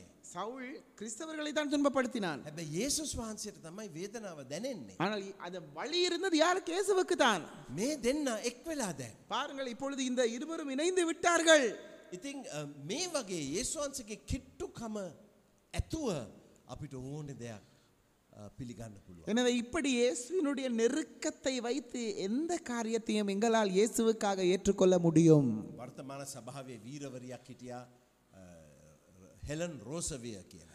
நிகழ்கால சபையிலே ஒரு வீராங்கனை என்று சொல்லலாம் ஹெலன் ரோசவிய என்கிற ஒருவர் කේම්බ්‍රිජ් විශ්වවිද්‍යාලයේ වෛද්‍ය වි- උපාධයක් ශල්‍යකර්ම වෛද්‍ය උසස් උපාධයක් ලබාගෙන කොංගෝ රටට ගියා මිෂනාරි කෙනෙක් හැටියට. அவர் வந்து கேம்பிரிட்ஜ் பல்கலைக்கழகத்திலே வைத்திய துறையில் பட்டத்தை எடுத்துக்கொண்டு சத்திர சிகிச்சை துறையிலே மேற்படிப்பு பட்டத்தை எடுத்துக்கொண்டு கொங்கோ நகரத்துக்கு நற்செய்தி பணிக்காக சென்றார் ලක්ෂ දෙකක ජනගහනයක් තිබුණු පලාතක යා එකම වෛද්‍යවරය හැටියට පොඩි ඉස්පිරිතාලයක් හැදවා. ரெண்டு லட்சம் மக்கள் இருக்கிற ஒரு பிரதேசத்திலே ஒரு சின்ன ஒரு தனி வைத்தியராக ஒரு சின்ன வைத்தியசாலையை கட்டினார் ඊට පස්සේක ටිකක් වර්ධනය වුණා ඒ විද්- ආ, ව- වෛද්‍යමය වැයක. பிறகு அந்த வைத்தியசாலை வளர்ந்தது එතකොට ඒ කාලේ සුදු අයට විරුද්ධව කැරලි ගසන්න පටන් ගත්තා අම්, කොංගෝ දේශයාය. அந்த காலத்தில் இந்த கொங்கோ தேசத்தில் உள்ளவர்கள் வெள்ளை இனத்தவர்களுக்கு விரோதமாக கதைக்க ஆரம்பித்தார்கள் අ, ඒ ඒ අවස්ථාවේ කණ්ඩායමක් ඇවිල්ලා සමූහ දූෂණය ගැන් රේප් අ, සමූහ දූෂණය කරා මොව. அந்த நேரத்திலே வந்து அஹ், கண்டாயம் தோஷம் කණ්ඩායම් දූෂණය. அஹ், அந்த நேரத்தில் வந்து குழு அஹ், கற்பழிப்பு உங்களுக்கு தெரியும் குழுவாக வந்து இந்த இவரை கற்பழித்தார்கள் යව කෝම රේප් කර පැයගානක්.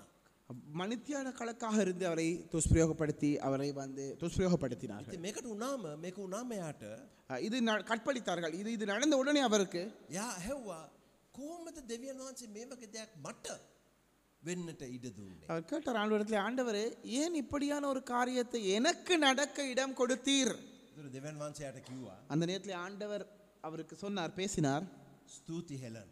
நன்றி ஹெலன் ම- ම- මගේ අ, ම- මගේ ශරීර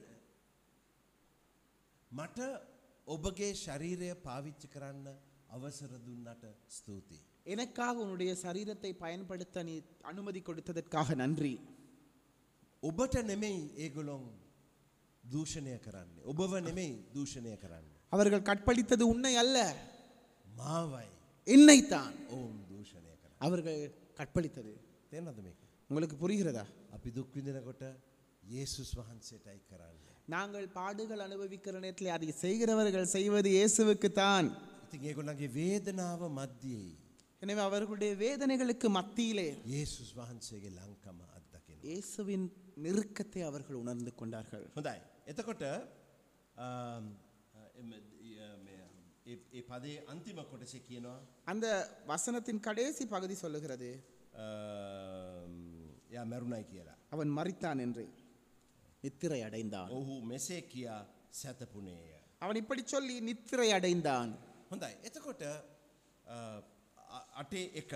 எட்டாம் அதிகாரம் முதலாவது வசனம் ඔහු මරා දැමීම ගැන සවුල්ද එකඟව සිටියේ. அவனை கொலை செய்கிறதற்கு சவுலும் சம்மதித்திருந்தான் ඒ දවසේදී යෙරුසල මෙහි වූ සභාවට අ, විරුද්ධ මහත් පීඩාවක් අ, අටගත්තේය. அக்காலத்திலே எருசலேமில் உள்ள சபைக்கு விரு- மிகுந்த துன்பம் உண்டாயிற்று එවිට ප්‍රේරිතයන් හැර ඔවුන් සියල්ලෝ යුදයේද සමාරියේද පලාත්වල විසුරුවනු ලැබුවෝ. அப்பொழு அப்ப- அப்பொழுது அப்போஸ்தலரை தவிர மற்ற யாவரும் யூதேயா சமாரியா தேசங்களில் சிதறடிக்கப்பட்டு போனார்கள் එතෙම දැන් පළවෙනි පීඩාව. முதலாவது உபத்திரவம் හොඳයි. දෙවනි පදය இரண்டாவது பகுதி භක්තිවන්ත මනුෂ්‍යයෝ ස්තේපාන්ගේ භූමදාන ස්තේපාන් අ, භූ- භූමදානය කොට ඔහු ගැන බොහෝසෙයින් වැලපුනේ. தேவ பக்தியுள்ள மனுஷர் ஸ்தேவானை எடுத்து அடக்கம் பண்ணி அவனுக்காக மிகவும் துக்கம் கொண்டாடினார்கள் දැන් ඉංග්‍රීසි භාසාාවේ එන්නයිව බයිබලේ කියන්නේ මෝන්ඩ් ඩීප්ලි කියලා. மோன் டீப்லி என்று தான் என்ன வேதாகம் சொல்லுகிறது ගක් දුක්කුණයි කියලා කිය. அதிகமாய் துக்கப்பட்டார்கள் என்று හැබැයි එකනවේ කියන්න මෙතන. ஆனால் உண்மை அது அல்ல சொல்லப்படுகிற அர்த்தம் සුදු අය සාමනෙන් කෑගහලා වැලපෙන්නෑ. சாதாரணமாக வெள்ளைக்காரர்கள் வந்து சத்தம் போட்டு புலம்ப மாட்டார்கள் ஒப்பாரி வைக்க மாட்டாங்க ඒකනම් කිව්වා හරියට දුක්කුණයි කියලා. அவர்கள் சொன்னார்கள் சரியான தூக்கப்பட்டார்கள் என்று හැබැයි මෙතන කියන්නේ இந்த இடத்தில் சொல்லப்படுகிறது විශාල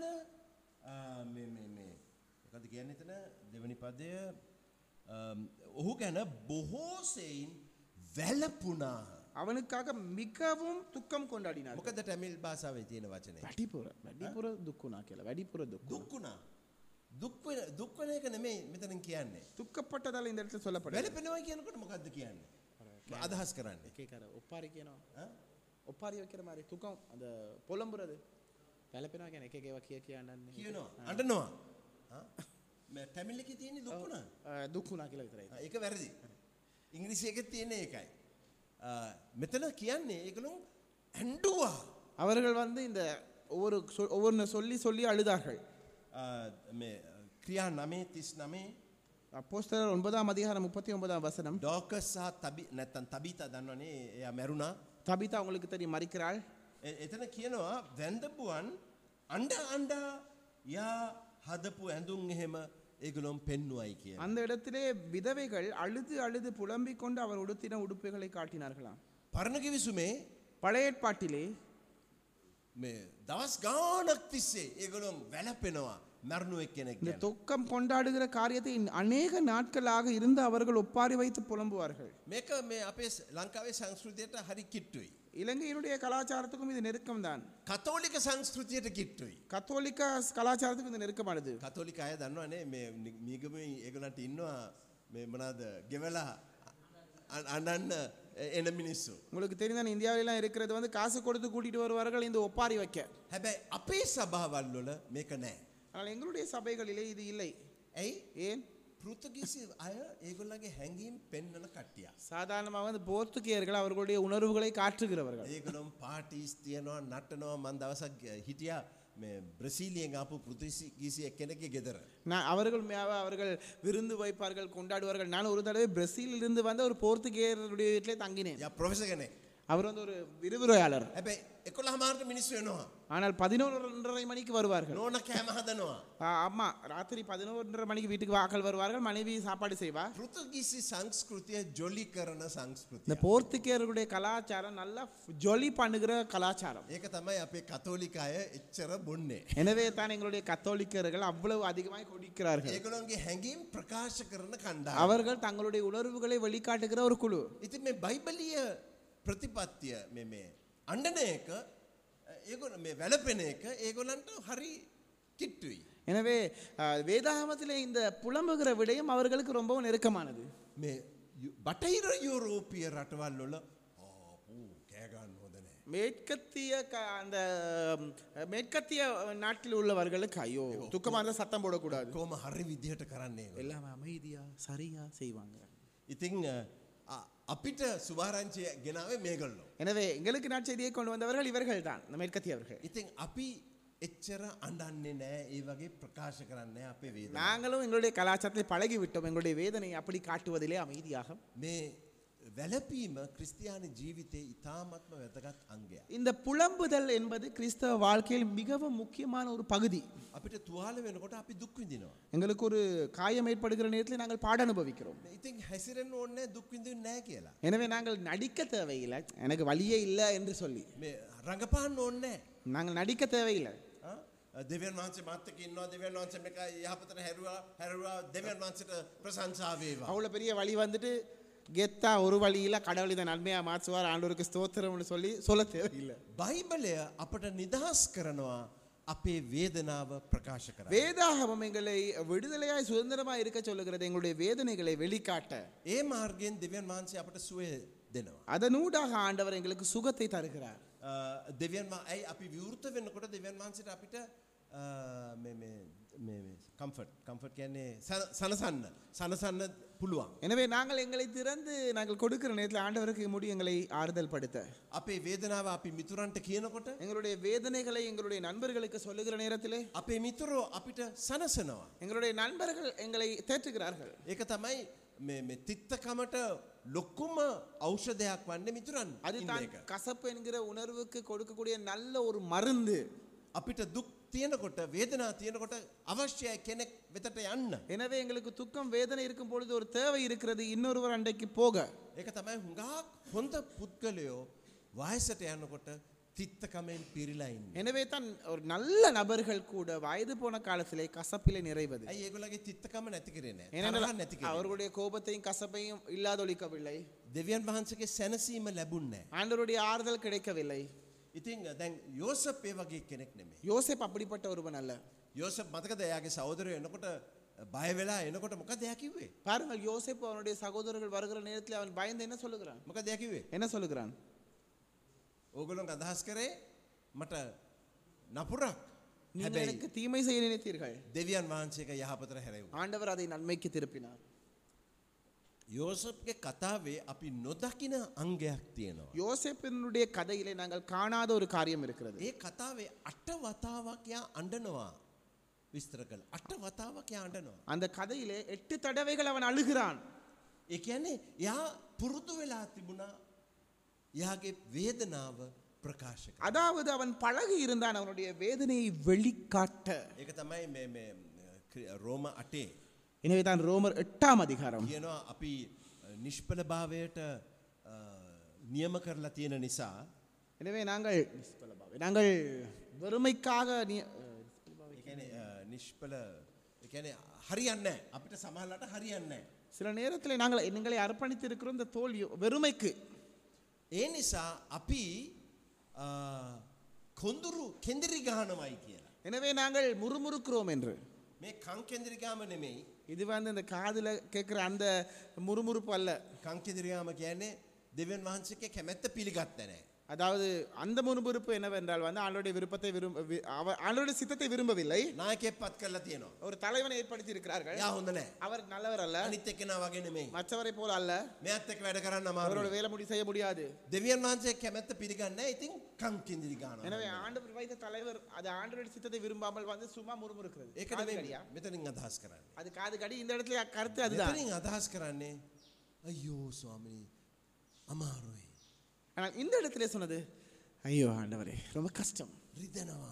வலிக்கிறது ඇයි මෙයා මෙහෙම කරන්නේ? ஏன் இவர் இப்படி ඇයි செய்கின்றார் මට උදව් කරන්නේ? ஏன் எனக்கு இப்படி உதவி ඇයි செய்யவில்லை මං තනියම ඉන්නේ? ஏன் நான் தனிமையாக ඇයි இருக்கிறேன் මේගොල්ලෝ මාව තේරුම් ගන්න නැත්තේ? ஏன் இவர்கள் என்னை புரிந்து கொள்ளவில்லை අපිට කං කිඳිරි ගන්න කිඳිරි ගන්න අවසර තියෙනවා. எங்களுக்கு எங்களுடைய உள்ளத்தில் உள்ளவைகளை கொட்டி தீர்க்க முறுமுறுக்கலாம் ඉතින් අපි වගේ සේවයක් කරනකොට ඒක එනවාමයි. எங்களைப் போல ஒரு ஊழியம் செய்யும் பொழுது இப்படியான உணர்வுகள் வந்தே தீரும் මත්‍රවිය ගන්න අයත් එක වැඩ කරනකොට. அதுபோலதை அரசுகிறவர்களோடு ஊழியம் செய்யும் பொழுது හොඳට යනවා මෙයා. நல்லா போவார் இவர் ඔන්න හදිසිය ආපහු වැටෙනවා. ஒரு தடுதியாக மறுபடியும் பாவத்தில் விழுந்துடுவார் ක්‍රිස්තියානි නොවන අ, ස- මේ- මේ- මේ ප- පසු පසුබිම්බලින් එන අය.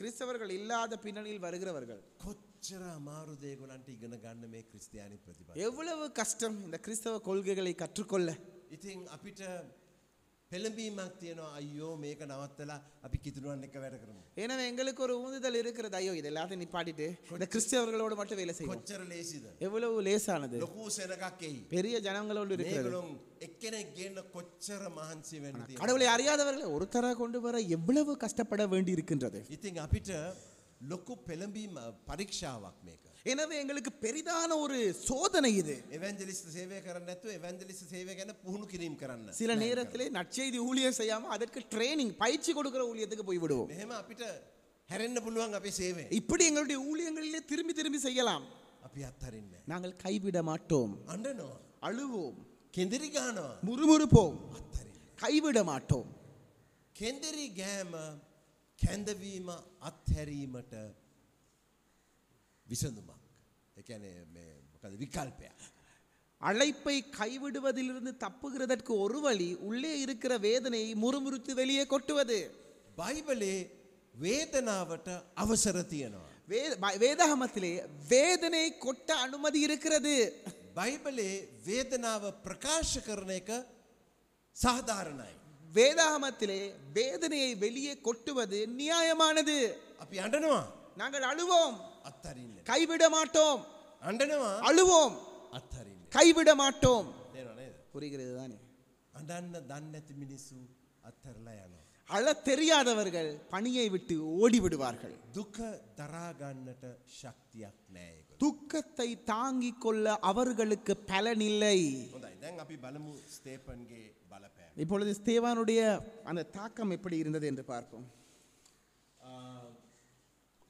යා තමයි දුන්නේ අ, මිෂනාරි සේවය දි- දියත් කිරීමට දොර විවෘත කරේ ස්තේපන්. அவன்தான் மிஷனரி ஊழியத்தை தொடக்குவதற்கான கதவை ஆரம்பித்து வைத்தவன் මෙතා දුරට සභාව යුදවරුන් එක තමයි වැඩ කරේ. இவ்வளவு காலமாக சபை பணி செய்தது வந்து யூதர்களோடு மட்டுமே මෙයා ධර්මික පදනමත් දුන්නා යුදෙවරුන්ට අහක්ව පිට වැඩ කරන්න. அவன் இறை சத்தியத்திலே ஒரு அடித்தாளத்தை வைத்தான் ஆஹ், வேதாகம அடிப்படையை வைத்தான் ஆஹ், யூதர்களுக்கு வெளியிலும் கூட பணி செய்ய යා පෙන්නවා යුදෙව් රාමුවට පිට අපිට ජීවත් වෙන්න පුළුවන්. அவன் காட்டினான் யூதர் என்கிற அந்த அந்த அந்த எல்லை அந்த எல்லைக்கு வெளியே போய் பணி செய்ய வேண்டும் දැ මේක මට හොයාගන්න හමාරුණා සිංහල වචනයක්. ஏன்னா இது சிங்கள ஒரு வார்த்தை எனக்கு தேடிக்கொள்ள கடினமாக இருந்தது ඉතින් මම කියන්න යනවා අවස්ථාව අවස්ථාවාදී අ, තල්ලුවක් දුන්නා මිෂනාරි සේවය. பாருங்கள் மிஷனரி ஊழியத்துக்காக சந்தர்ப்பத்தை மையமாக வைத்து ஒரு ஊந்துதலை கொடுத்தான் සකම්ස්ටන්ශල් ඒ කියන්නේ අසු අටේ හතරේ කියන අටේ එකේ කියනවා එකනු විසුරුණයි කියලා. எட்டாம் அதிகாரம் முதலாம் வசனம் சொல்லுகிறது அவர்கள் சிதறடிக்கப்பட்டு போனார்கள் என்று අටේ හතරේ කියන්නේ எட்டாம் அதிகாரம் நான்காம் வசனம் சொல்லுகிறது විසරුණ අය සුභාරංචය ප්‍රකාශ කරයි. சிதறி போனவர்கள் எங்கும் திரிந்து சுவிசேஷத்தை பிரசங்கித்தார்கள் ඉති මේකලොන් ගිය සරණාගතයන් හැටියට නෙමෙයි. இவர்கள் சென்றது சரியா அஹ், அதாவது ம், என்ன சொல்லலாம் அகதிகளாக அல்ல ඒකලොන් ගියේ මිෂනාරිවරු. அவர்கள் சென்றது மிஷனரிகளாக ඒ කියන්නේ ස්තේපන්ගේ මරණයෙන් ආපු පීඩාවත් එක්ක සභාව විසරුණ. அதாவது ஸ்தேவானுடைய மரணத்தின் ஊடாக வந்த உபத்திரவத்தின் மையமாக சபை சிதறடிக்கப்பட்டது දැන් ඒ විසිරීමට පාවිච්චි කරපු වචනය சிதறடிக்கப்பட்டது என்பதற்கு ப- பாவிக்கப்பட்ட சொல் ඩියස් පෙයිරෝ. டியஸ் பெய்ரோ ඩියස් පෙයිරෝ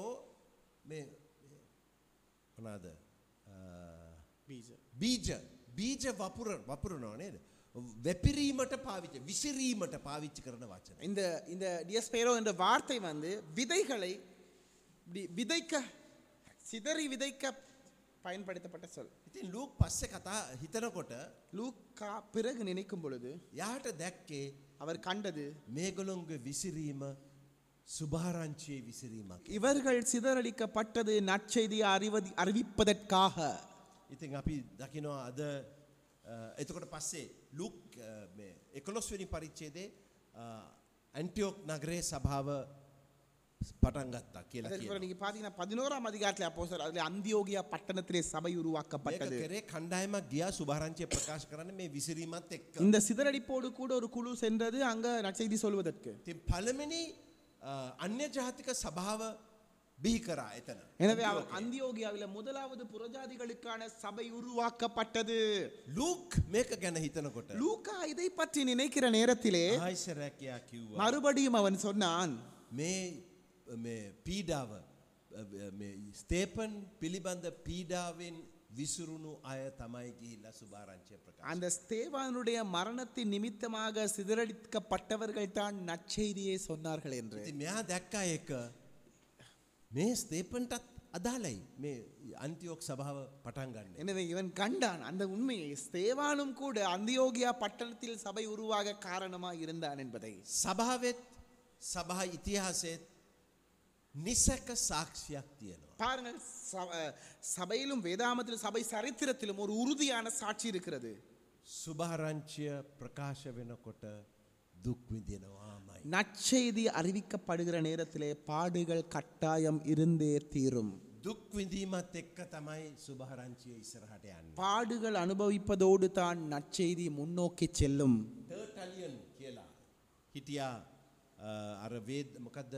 තර්ක ශාස්ත්‍ර මොකද තර්කවේද ශාස්ත්‍ර ප්‍රතිඋත්තරවාදේ டர்டூலியன் என்கிற ஒரு தர்க்கவாதி இருந்தார் අ, න- උතුරු අප්‍රිකාවේ அவர் வட ஆப்பிரிக்காவிலே හරි ප්‍රසිද්ධ ක්‍රස්තියානි නායකේ. அவர் ஒரு புகழ் வாய்ந்த கிறிஸ்தவ தலைவர் ය මේ වගේ කියමනක් කිව්වා. அவர் இப்படி ஒரு பழமொழியை சொன்னார் අපිය මරන්න எங்களை கொல்லுங்கள் අපට වදහිංසා කරන්න. எங்களுக்கு துன்புறுத்தல்கள் தாங்க අපට විරුද්ධව චෝදනා කරන්න. எங்களுக்கு விரோதமாய் குற்றஞ்சாட்டுங்கள் අපි අ, දූවිල්ලට අමරන්න எங்களை தூசியோடு போடு சேர்த்து எங்களை நறுக்குங்கள் நசுக்குங்கள் අපිව මේ අර මෝඩවුන් කියන්නේ අර මේ ලෝන්මෝ මොකද ගල්රෝල නෙමේ මේ- මේවා මේ තනකොළ තනකොළ කපන තනකොළ කපන්න අපිව කපන්න අන්න ඒ எங்களை වචනේ வந்து තමයි அந்த පාවිච්චි புல்லை வெட்டுற இயந்திரத்தை போல வெட்டுங்கள் කරන්නේ. අපි පල්ලෙහට ක- කපල දාන්න எங்களை வெட்டி கீழே போடுங்கள் අපි අ, අපිව කපනවා වැඩි වෙනකොට අපේ වර්ධනයත් වැඩි වෙනවා. எங்களை வெட்டுவது எவ்வளவு அதிகரிக்கிறதோ அவ்வளவு எங்களுடைய வளர்ச்சியும் அதிகரிக்கும் සභාවේ අ, බීජය වන්නේ නෑ, බීජය වන්නේ සභාවේ මේ, ලේ බීජය වන්නේ සභාවේ ලේ சபையின் விதை என்னவென்றால் இரத்தம் ඉතින් අපි දුක්විඳීම ගැන බයවෙන්න හොඳ නෑ எனவே நாங்கள் பாடுகள் அனுபவிக்க பயப்பட தேவையில்லை අ, අපි අපිට ප්‍රශ්නය එනකොට අපි හිතන් නොද නෑ ආ, යමක් වැරදිලා වැලදිලා මනාද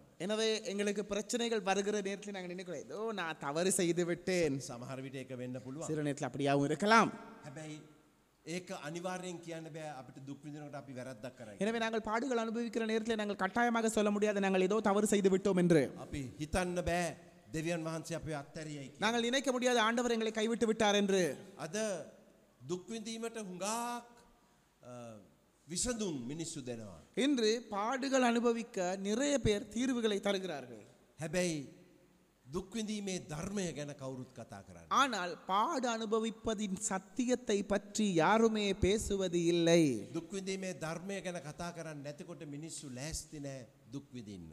எனவே உபத்திரவப்படுகிற பாடு அனுபவிக்கிற சத்தியத்தை கதைக்காத விடத்து மனிதர்கள் ஆயத்தம் இல்லை நற்று- அந்த அந்த பாடுகள் அனுபவிக்கிற காரியத்துக்கு தங்களை அர்ப்பணிக்க ප්‍රශ්නයකොට යුරු හිතුවා දෙවන් වහන්සේ මාව අත්තරලයි කියලා. பிரச்சனைகள் வருகிற நேரத்தில் அவர்கள் நினைக்கிறார்கள் தேவன் என்னை கைவிட்டு விட்டார் නැත්තන් ක්‍රස්තියානයාගම හරි නෑ කියලා. இல்லாவிட்டால் நினைக்கிறார்கள் கிறிஸ்தவ சமயம் வந்து அவ்வளவு நல்ல சமயம் அல்ல ඒ අය දුක්විදිනකොට කැඳවීමෙන් බැහැර යන්නට පුළුව. அப்படிப்பட்டவர்கள் உபத்திரவப்படுகிற நேரத்திலே அழைப்பை விட்டு போகலாம் හොඳයි uh, ඉතිං නෙක්ස් ලයි.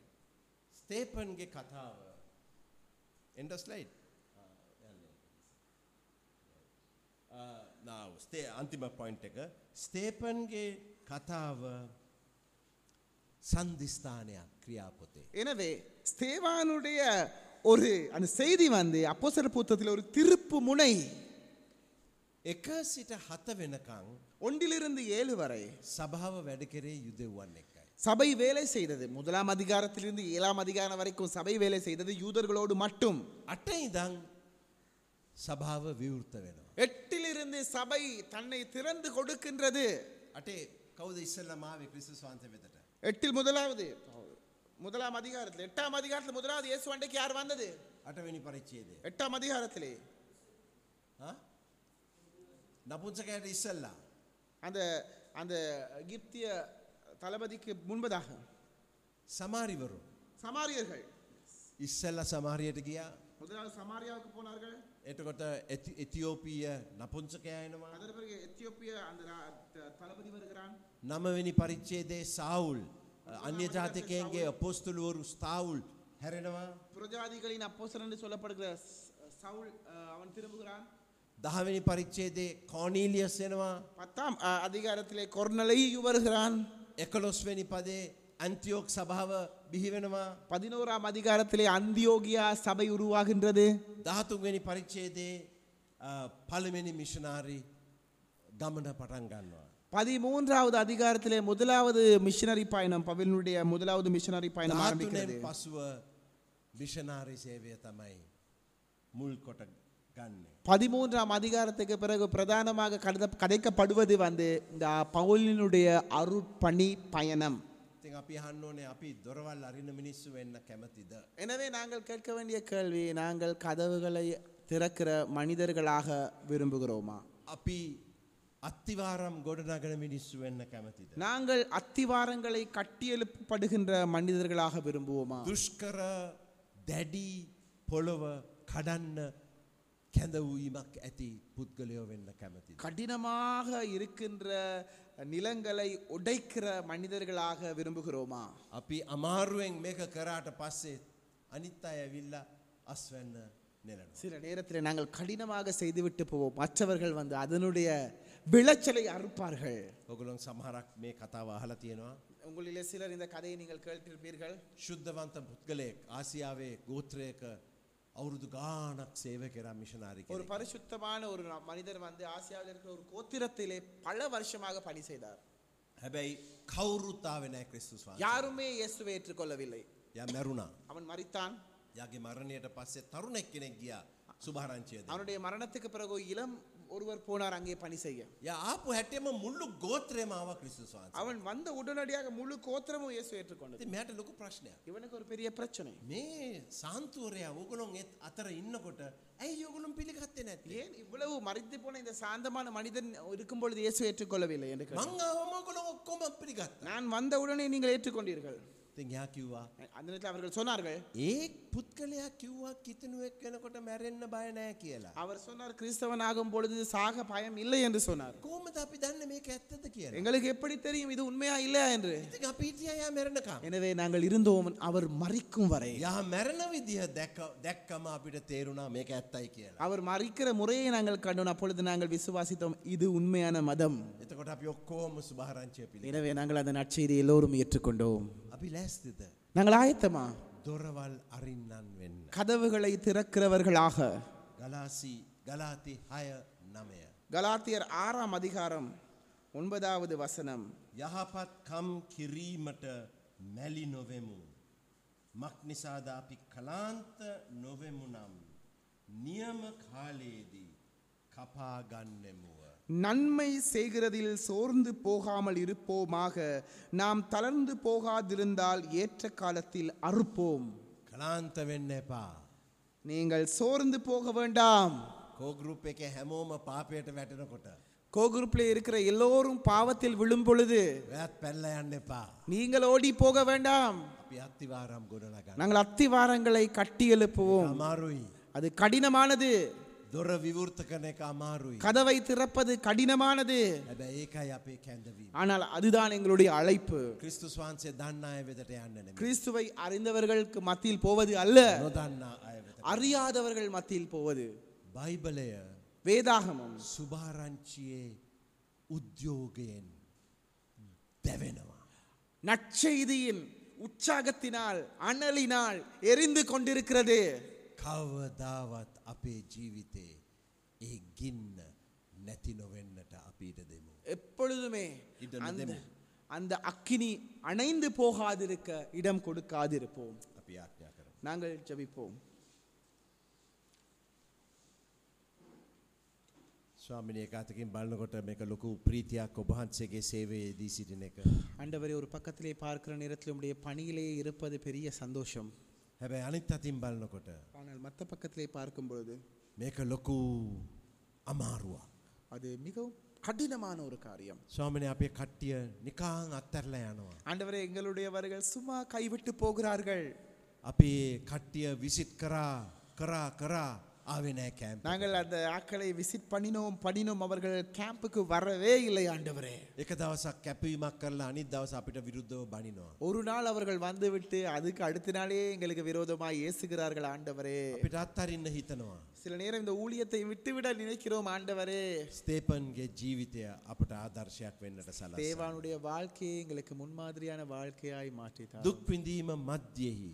பாட அனுபவிப்பதுக்கு மத்தியிலே ආත්මයණන් වහන්සේගේ පූර්ණත්වය අපට අත්දකින්ට පුළුවන්කම. ஆவியானவரின் நிரப்புதலை அனுபவிக்க எங்களுக்கு இயலுமையை தாரும் ஆண்டவரே ඒ පූර්ණත්වය නිසා அந்த நிரப்புதலின் நிமித்தமாக තිත්තකම නැතුව.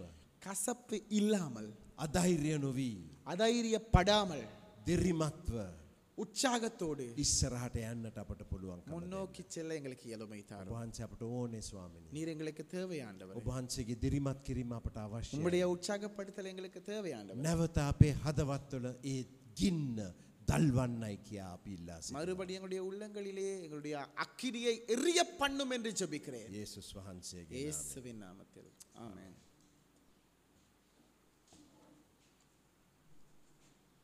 அஜித்தே